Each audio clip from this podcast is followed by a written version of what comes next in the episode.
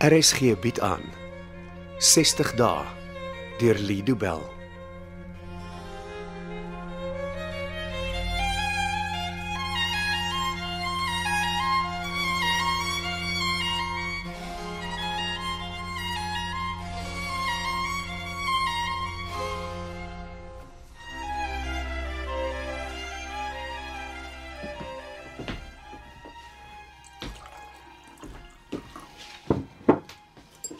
Die water is vir jou. Ek is nie dors nie, dankie. Ek los dit hier op die tafel.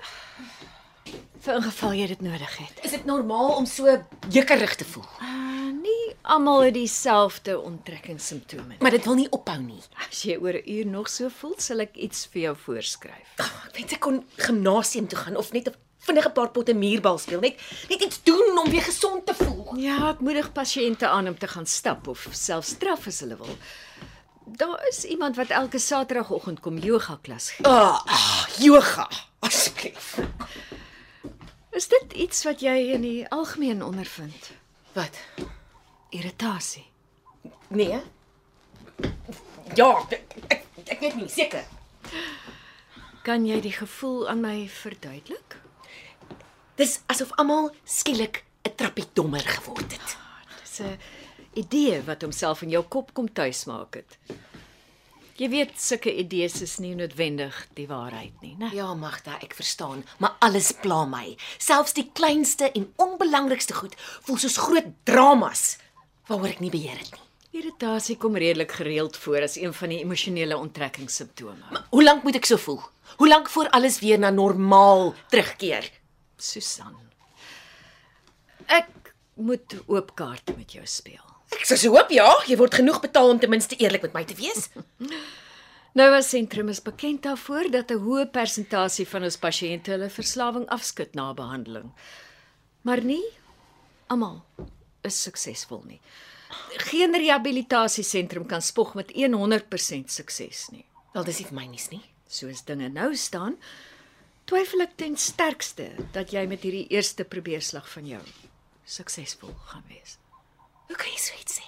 Dit help nie ek draai doekies om nie. Eerlikheid is die fondasie van ons behandelingsmetodiek. Wees eerlik teenoor jouself en jy kan eerlik teenoor ander wees. Ek lieg nie vir myself nie, Magda. So laag sal ek nie daal nie. Jy het geen begeerte om hier te wees nie. Dis nie waar nie. Sal jy vir behandeling by ons bly as die regter laat weet dat jou verblyf by Nova Sentrum nie meer deel van jou borgtogreëlings is nie? Ek weet nie. Susan. Jy weet jy sou jouself vinnig ontslaan en huis toe hardloop. Ek verlang na my kind. Natuurlik ja. Wie sou nie?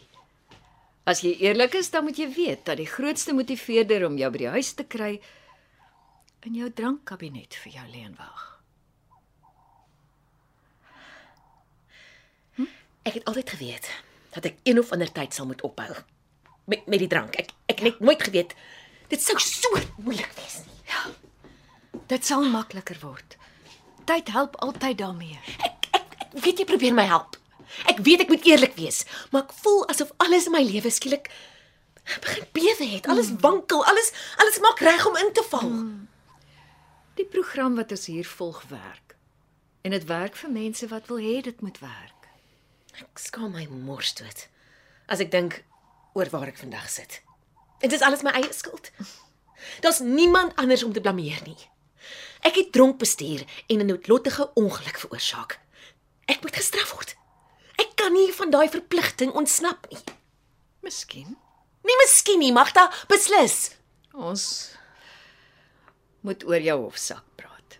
Ag, jy weet hoe voel ek oor die ongeluk. Ek kan dit nie duideliker stel nie. Ek is skuldig. Dit was my skuld. Jou uh, prokureur dink nie so nie. Hm, dis waarvoor hy betaal word. Richard is altyd optimisties oor sy kansse met 'n saak. Hy sê daar's bewyse. Ek het die kar bestuur. Dis my skuld. Oor watse bewys praat hy?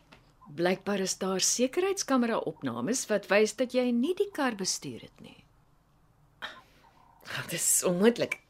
Ek was agter die stuurwiel. Die opname wys 'n man wat na die ongeluk uit die motor klim en jou van die passasier na die bestuurder sitplek toe trek. Ek onthou dit glad nie. Die eerste wat ek onthou is toe mense my uit die kar uithelp. Jou prokureur wil met jou praat. Nee, Hoe dan nou? Jy was gister dan nog so lus om met almal buite die sentrum te kan praat. wel nie vandag nie. Ek ek, ek is nie vandag reg daarvoor nie. Wat het verander? Magda, kyk hoe lyk ek.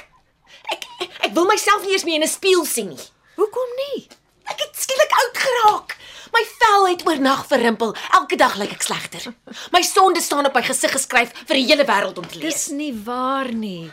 Jy lyk nog net so pragtig soos die dag toe jy hier ingestap het. Wel, ek kan nie met Richard praat nie. Ek bewe en, en al- alles irriteer my. Hy hy ken my nie so nie. Wil jy nie hoor wat hy te sê het nie? Dis dan goeie nuus. Hoe is dit goeie nuus? As die aanklaer eers die opname sien, sal alle klagtes teen jou teruggetrek word. Wel, dit, dit klink nie reg nie. Jy sal by jou prokureur moet hoor wat die wetlike aspekte van jou saak is. Hy het my laat verstaan dat hy sal vra dat die saak teen jou uitgegooi word. Maar, maar dit dit was ek. Ek het bestuur. Ek was in die kar. Ek ek kan nie gister skuldig gewees het en vandag onskuldig nie. Dit dit, dit, dit maak nie sin nie. Hier. Hier is die water. Drink bietjie daarvan. Dankie. Dis reg. Net 'n paar keer diep asemhaal en jy voel beter. Het jy ehm um, het jy die opname gesien? Nee. Ek dink jou prokureur het dit vir die polisie gegee. Hy wil seker hê hulle moet kyk of hulle die man kan opspoor. Wie is die man? Jy is al een wat die antwoord op daardie vraag sal weet. Maar ek weet nie. Ek onthou niks van die aand van die ongeluk nie. Toe ons oor die nagmerrie wat jy elke aand droom gepraat het, het jy gesê jy dink die man in die kar is dalk jou minnaar? Johan, Ja, Johan. Maar toe jy die nagmerrie vir my neergeskryf het, was hy 'n baie onduidelike figuur. wag, ek sê mos ek onthou nie daai aand nie.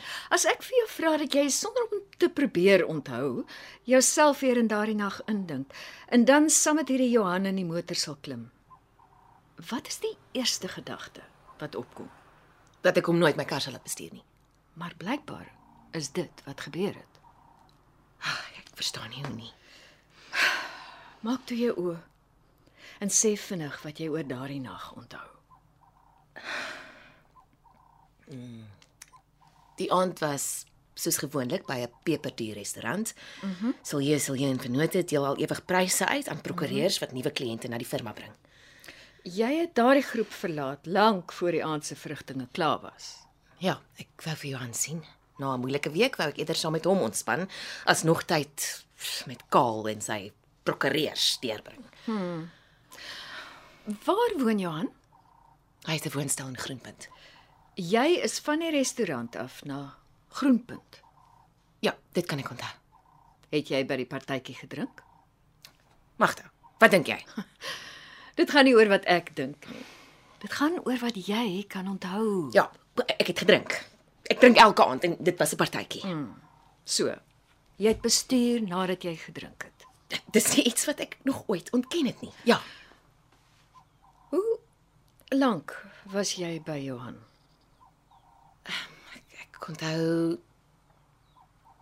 hoe ek haar aangekom het. Mm -hmm. En ek onthou hy was bly om my te sien. En uh, daarna? Dis waar ek alles deur so waserigheid sien. En wat sien jy? Wat onthou jy? Al niks wat nie gewoonlik tussen my en Johan gebeur nie. Maar Maar toe verander alles skielik. wat is anders? Ek, ek weet nie, dis dis net dat ek vaagweg onthou hoe ek en hy beklei. Stry julle of beklei julle? Nee, ons stry, maar dit ek ek, ek weet nie iets veel anders. Gebeur dit dikwels? Hierdie bekleierery. Nee, nooit. Hy's hy's 'n goed gemanierde, ordentlike man. Ah. Maar hoe beland jy 05:30 in die oggend in jou motor?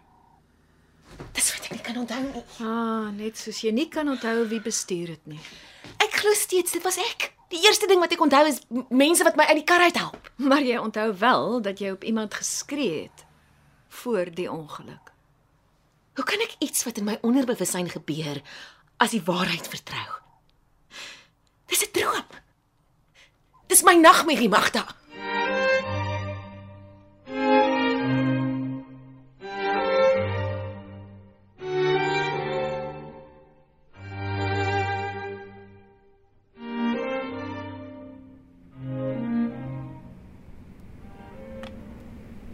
Waar's my geld? Nee, Rex. Ek, ek is bly jy bel my. Ons moet praat. Die tyd vir praat is lankal verby, Kaal. Ek probeer om jou geld te kry, maar dit is nie so maklik soos wat jy dink dit is nie. Jy beheer trustfondse wat letterlik miljarde rande werd is. Soos ek laas gesê het, ek moet versigtig te werk gaan. Ek kan nie skielik groot bedrag geld uit die fondse trek nie. Wag, uh, wag eers.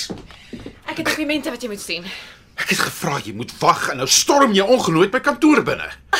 In al die jare wat ons saamwerk, het ek nog nooit jou permissie nodig gehad om die kantoor binne te kom nie. Wel, dalk moet jy nou begin. Wat maak vandag dan so spesiaal? En waarna het jy geluister? Dis nie belangrik nie. Dis dis privaat besigheid. Wat my keer? Niks nie. Kaal, solank ek en jy saamwerk, was daar nog nooit iets wat jy van my probeer wegsteek het nie.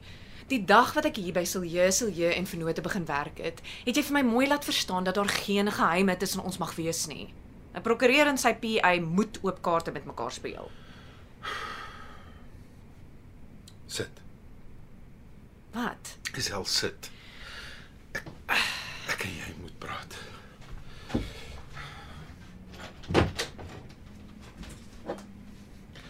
Nou ja, wat is so belangrik?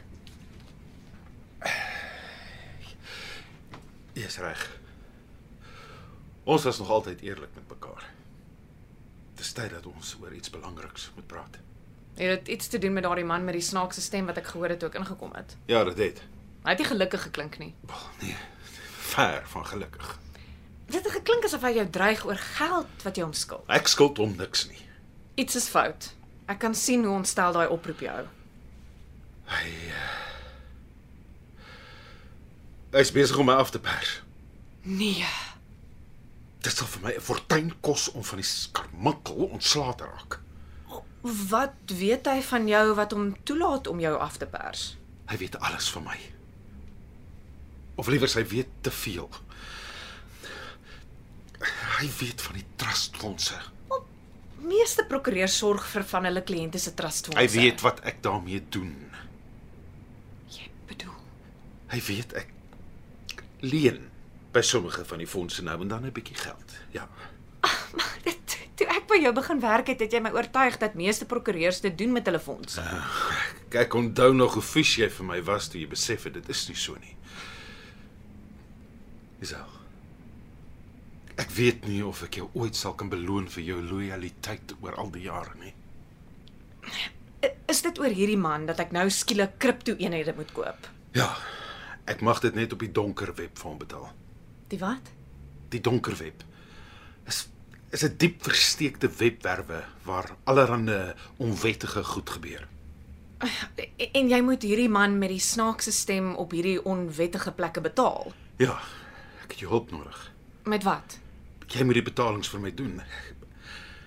Ek kon nie so mooi reg met die skootrekenaar nie. Jy was nog nooit tegnies ingestel nie. Dink jy dink jy jy sal dit vir my kan doen? Nou, kan nie te moeilik wees nie. Ek sal probeer. Dankie Maar waar kom die geld vandaan? vir die kripto eenhede. Ja, hoe kan jy dit bekostig om vir die afperser te betaal? Susan het my toestemming gegee om met haar bankrekeninge te werk terwyl sy agter tralies sit. Uh, weet Susan dat jy afgepers word. Uh. nee. Dink jy nie sy moet weet nie? Dit sal haar saak nie help nie. In elk geval, ek is nie lus om aan haar te verduidelik dat daar met van my trusts probleme is nie. Het hierdie man al vir jou gesê hoeveel sy stilswye sal kos? Nee. As jy my vra, dink ek nie daar sal ooit 'n einde aan sy afpersing wees nie. Hoe weet jy dit? Eenvoudig. As ek besig was om iemand af te pers, sou ek nie stop voor ek elke laaste sent van hom gevat het nie. Dit was 60 dae deur Lido Bell. Cassie Lauers beheer die tegniese versorging en dit word in Kaapstad opgevoer onder regie van Anri Gerbst.